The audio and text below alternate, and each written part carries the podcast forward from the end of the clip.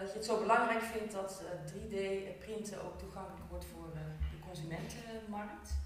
Ja, of nou ja, wat we vooral heel leuk vinden is dat je echt maatwerk kan gaan leveren aan, aan klanten. En je ziet dat natuurlijk al steeds meer gangbaar wordt. Mensen worden steeds meer ja, veel eisend. Iedereen vindt het leuk om een helemaal custom schoen te hebben.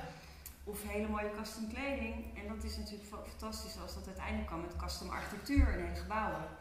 Dat gaat natuurlijk in stapjes. Dus we beginnen nu echt met uh, op maat gemaakte interieurproducten. En geleidelijk aan van binnen naar buiten ja, steeds groter.